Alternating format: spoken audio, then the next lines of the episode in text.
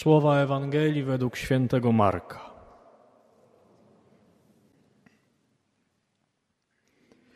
Po wyjściu z synagogi Jezus przyszedł z Jakubem i Janem do domu Szymona i Andrzeja.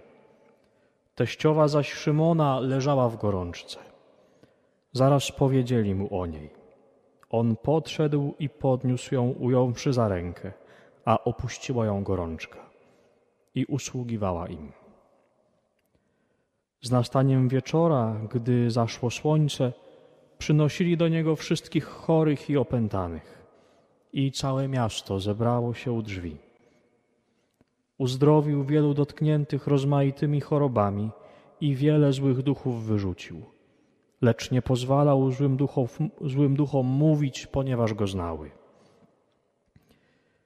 Nad ranem, kiedy jeszcze było ciemno, Wstał, wyszedł i udał się na miejsce pustynne i tam się modlił. Pośpieszył za nim Szymon Piotr z towarzyszami, a gdy go znaleźli, powiedzieli mu: Wszyscy cię, wszyscy cię szukają. Lecz on rzekł do nich: Pójdźmy gdzie indziej, do sąsiednich miejscowości, abym i tam mógł nauczać, bo po to przyszedłem. I chodząc po całej Galilei, i chodził po całej Galilei, nauczając w ich synagogach i wyrzucając złe duchy. Oto słowo Pańskie.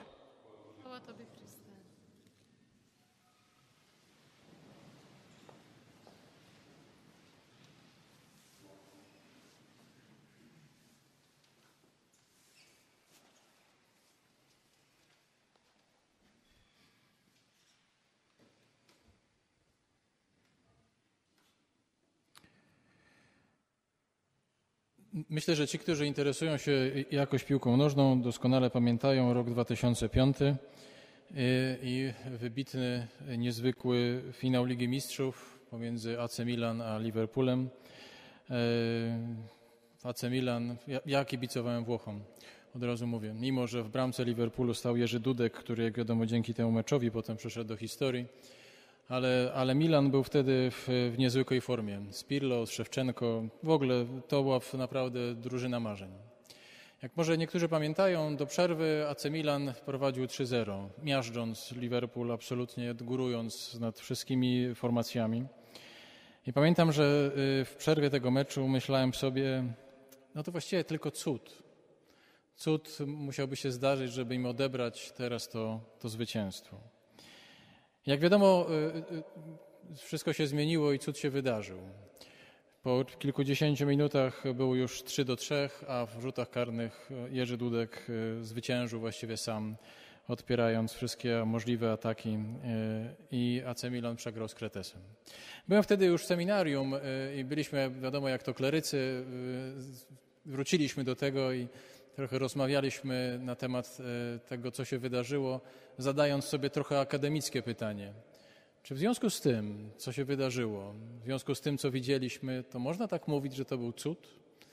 Czy rzeczywiście to, co oglądaliśmy, cudem, cudem było?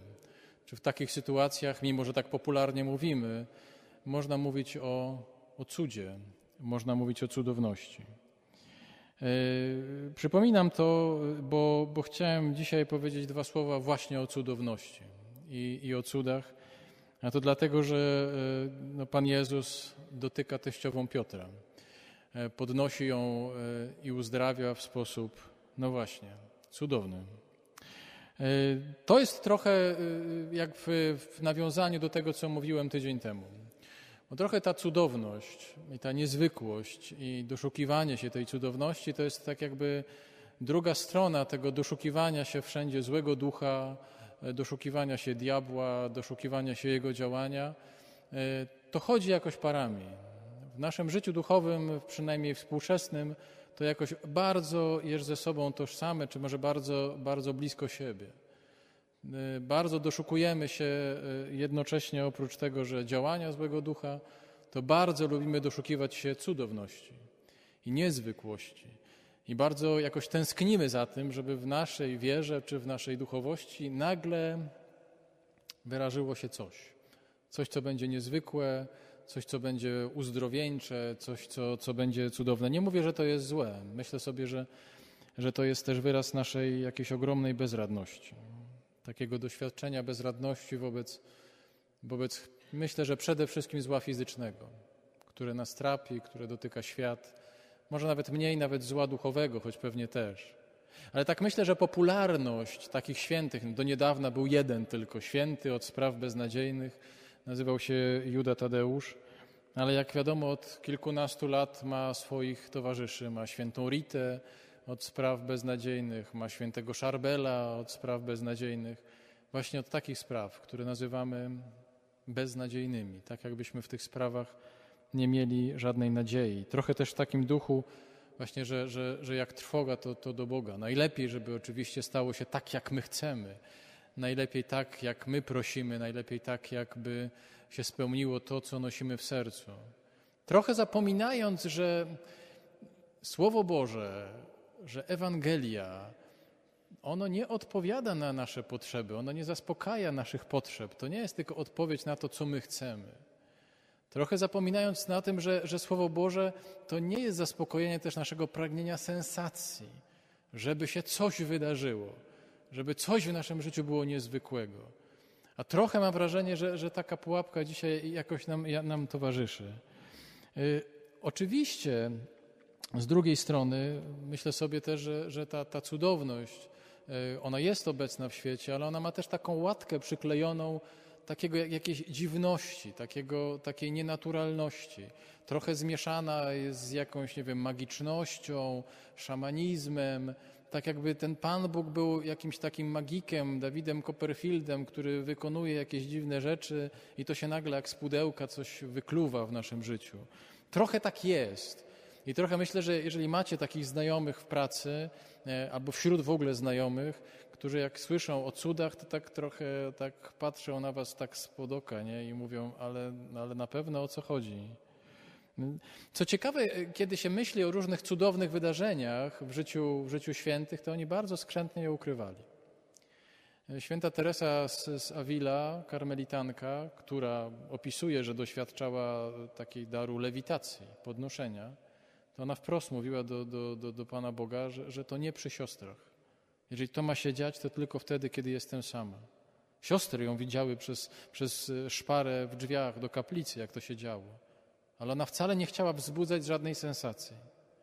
Ojciec Pio, który dostał dar stygmatów, przez wiele, wiele miesięcy jednak chował je. Miał, miał taki bardzo miał dość długi habit, chował je celowo, żeby nie było widać. Nie dlatego, żeby, że, że, że jakoś miał, nie wiem, taką, tak, jakąś fałszywą pokorę. Nie, on naprawdę nie chciał, żeby wzbudzać sensację. Żeby, żeby, broń Boże, nie interesować się nim, tylko tym, kto dokonuje takich, takich znaków. Bo to jest mimo to, że mówimy o cudach, to Ewangelia częściej używa sformułowania znak. I to jest bardziej czytelne. I to jest bardziej wymowne dla nas. Chodzi o znak. Znak obecności Boga w tym świecie.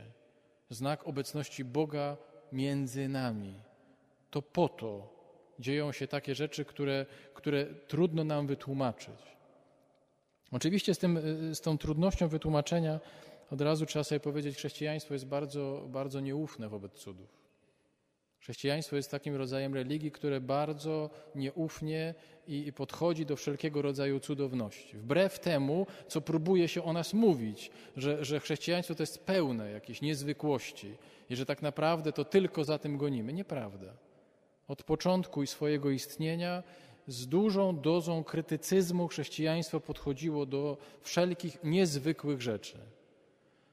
Bardzo chciano wykluczyć najpierw wszystkie inne możliwe powody fizyczne, chemiczne, biologiczne, psychologiczne, czy to nie jest jak, jakiś fałsz, czy to nie jest jakiś fake. I dopiero wtedy, kiedy te wszystkie powody zostają wykluczone i że nic innego nie wskazuje, że musi być to tylko i wyłącznie działanie boskie, to wtedy dopiero mówi się o cudzie. Dopiero wtedy. I co to ma wspólnego z tym dzisiejszym, dzisiejszym, dzisiejszą sceną? Mamy uzdrowienie i mamy, mamy cud, który można byśmy powiedzieli taki jest no taki niejaki. No, czy, co by nie powiedzieć, gorączka teściowej świętego Piotra, no to nie jest rak mózgu. Znaczy, to, to, to nie jest y, wykręcenie kręgosłupa. To, to nie jest jakieś wrodzone kalectwo. To jest gorączka. To się zbija leżeniem w łóżku, nie wiem, nacieraniem maścią, wtedy pewnie jakimś sadłem, piciem czegoś ciepłego z miodem, dzisiaj aspiryną. Tyle. To się w taki sposób załatwia. Czy możemy mówić o cudzie? Tak. W tej Ewangelii mówimy o cudzie, ponieważ teściowa Piotra nie wyzdrowiała w sposób naturalny. Nie wyzdrowiała w żaden sposób znany, naturalny sposób żadnej naturalnej drodze. Wyzdrowiała dlatego, że dotknął ją Jezus. I dlatego mówimy o cudzie. To jest bardzo ważne, że, że, żebyście, żebyśmy to sobie jakoś w głowie ustawili, że nie każde wydarzenie w życiu, którego nie potrafimy wytłumaczyć, jest cudem. Ono musi być z ręki Boga. I wszystko musi wskazywać na Boga. Wszystko to znaczy, musimy wszystko inne odrzucić żeby wskazać na Boga. Takie jest chrześcijaństwo. Co więcej wynika, co więcej wynika z tej sceny, a no to wynika, że, że cud potrzebuje wiary. Cud potrzebuje wiary, bo wiara jest naturalnym środowiskiem dla cudu. I potrzebuje wiary albo tego kogoś, kogo Bóg dotyka, albo jak wiemy z innej Ewangelii, wiary osób, które otaczają osobę, której cud dotyczy. Pamiętacie taką scenę, kiedy czterech ludzi przyniosło paralityka do Jezusa. Jezus w ogóle nie patrzył na paralityka, tylko popatrzył na tych ludzi i zapisuje ewangelista, widząc ich wiarę, uzdrowił go. Nie wiemy, bo ten paralityk w tej scenie nic nie mówi, milczy, ale widząc ich wiarę. Bez wiary to cud to jest trochę taka ciekawostka turystyczno kulturalno-krajoznawcza. No znacie mnóstwo ludzi. Ludzie jeżdżą do Fatimy, ludzie jeżdżą do Lourdes, ludzie jeżdżą na Jasną Górę, ludzie nawet chodzą na Jasną Górę. A to wcale nie znaczy, że, że od razu doświadczają niezwykłości i to nie znaczy, że wcale mają wiarę. Często jeżdżą dlatego, że to jest ciekawe. Ciekawe tak popatrzeć. Jak ludzie chodzą tam w, w Lourdes, chodzą z lampionami, jaka to niezwykła procesja, to jest takie nawet mistyczne. Takie się ogląda się to. Patrząc na to z boku bez wiary, to wszystko jest dosyć dziwne. To tak jest, takie, takie, takie jakby za, za szybą. W cudzie chodzi absolutnie o Pana Boga. Właśnie to, to, to co ojciec Pio robił, co, co Teresa Zawila. W cudzie nie chodzi o tego człowieka, chodzi o Boga. O Niego chodzi. Nie wiem, to jest też taka scena, czy pamiętacie, jak, jak Pan Jezus uzdrawia dziesięciu trędowatych. I uzdrawia ich z tego trądu, a tylko jeden wraca. Tylko jeden zrozumiał, o kogo tu chodzi. Wszyscy inni doświadczyli, można powiedzieć, wzięli swoje, wzięli te walizki, te wszystko i poszli sobie. Załatwili z Panem Bogiem. Już więcej być może przed Bogiem już nie byli.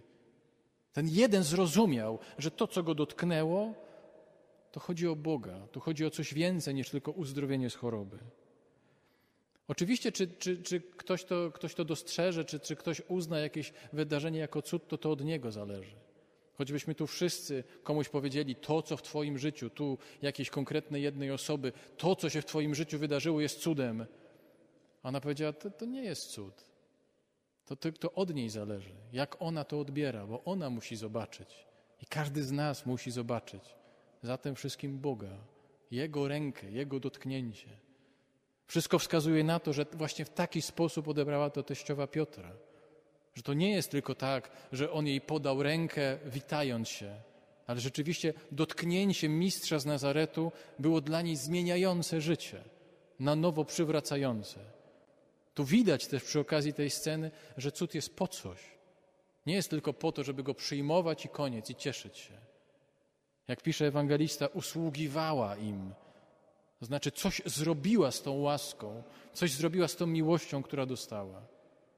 I w końcu, co może też jakoś bardzo istotne, cuda przede wszystkim mają dotyczyć naszego życia duchowego.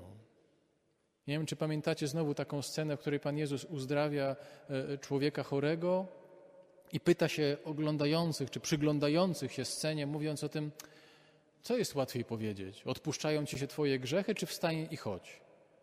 Oczywiście wszyscy, którzy tam są, w myślach mówią, no wiadomo, odpuszczają ci się twoje grzechy. No za problem? Odpuszczają ci się twoje grzechy.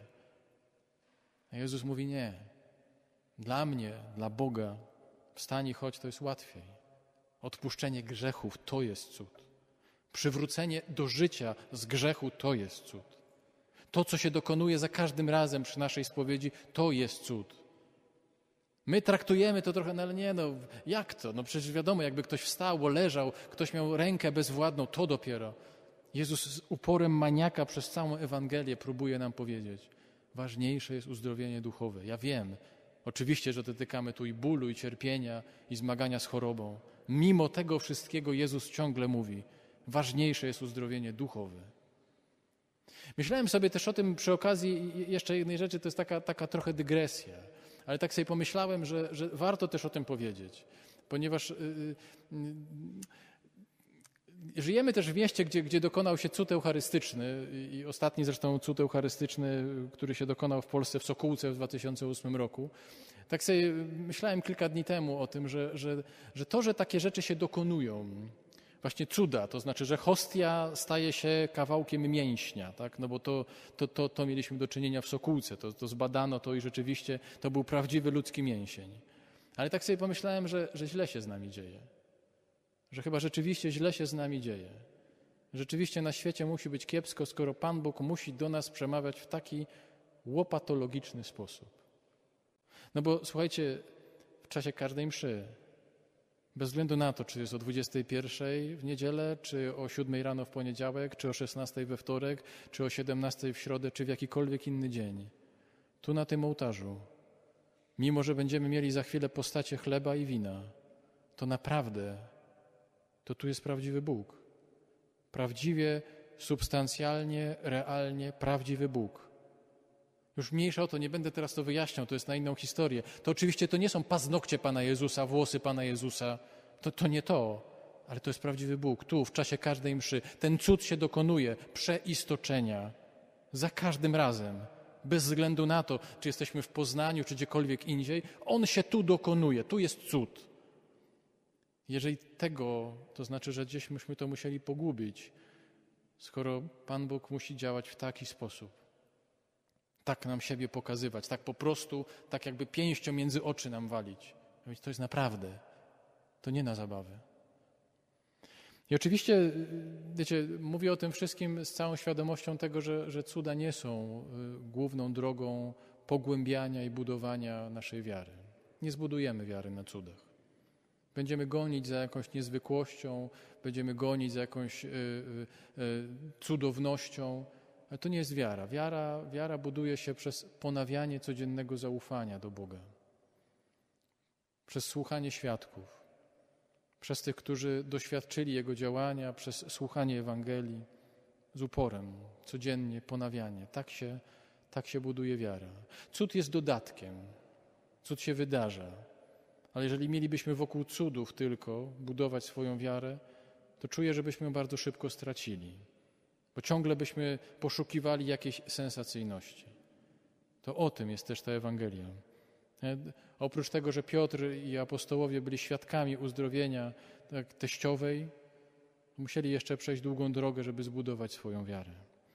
Dobrze o tym też pamiętać, e, w tym umiejscawianiu gdzieś cudowności w swoim, w swoim życiu. Wracając do meczu, to kiedyś Zbigniew Boniek opowiadał, jak z Juventusem pojechali do Jana Pawła. Jak to Zbigniew Boniek po rozmowie całej tak trochę cwaniakował i powiedział na końcu: Ojcze Święty, Ojciec Święty tam pomodli, żebyśmy wygrali ten mecz. I Zbigniew Boniek to mówi w swojej książce. Wtedy papież się odwrócił bardzo gwałtownie i powiedział do niego: Chłopcze, Pana Boga to zostawmy w spokoju. Na boisku niech wygrywa lepszy.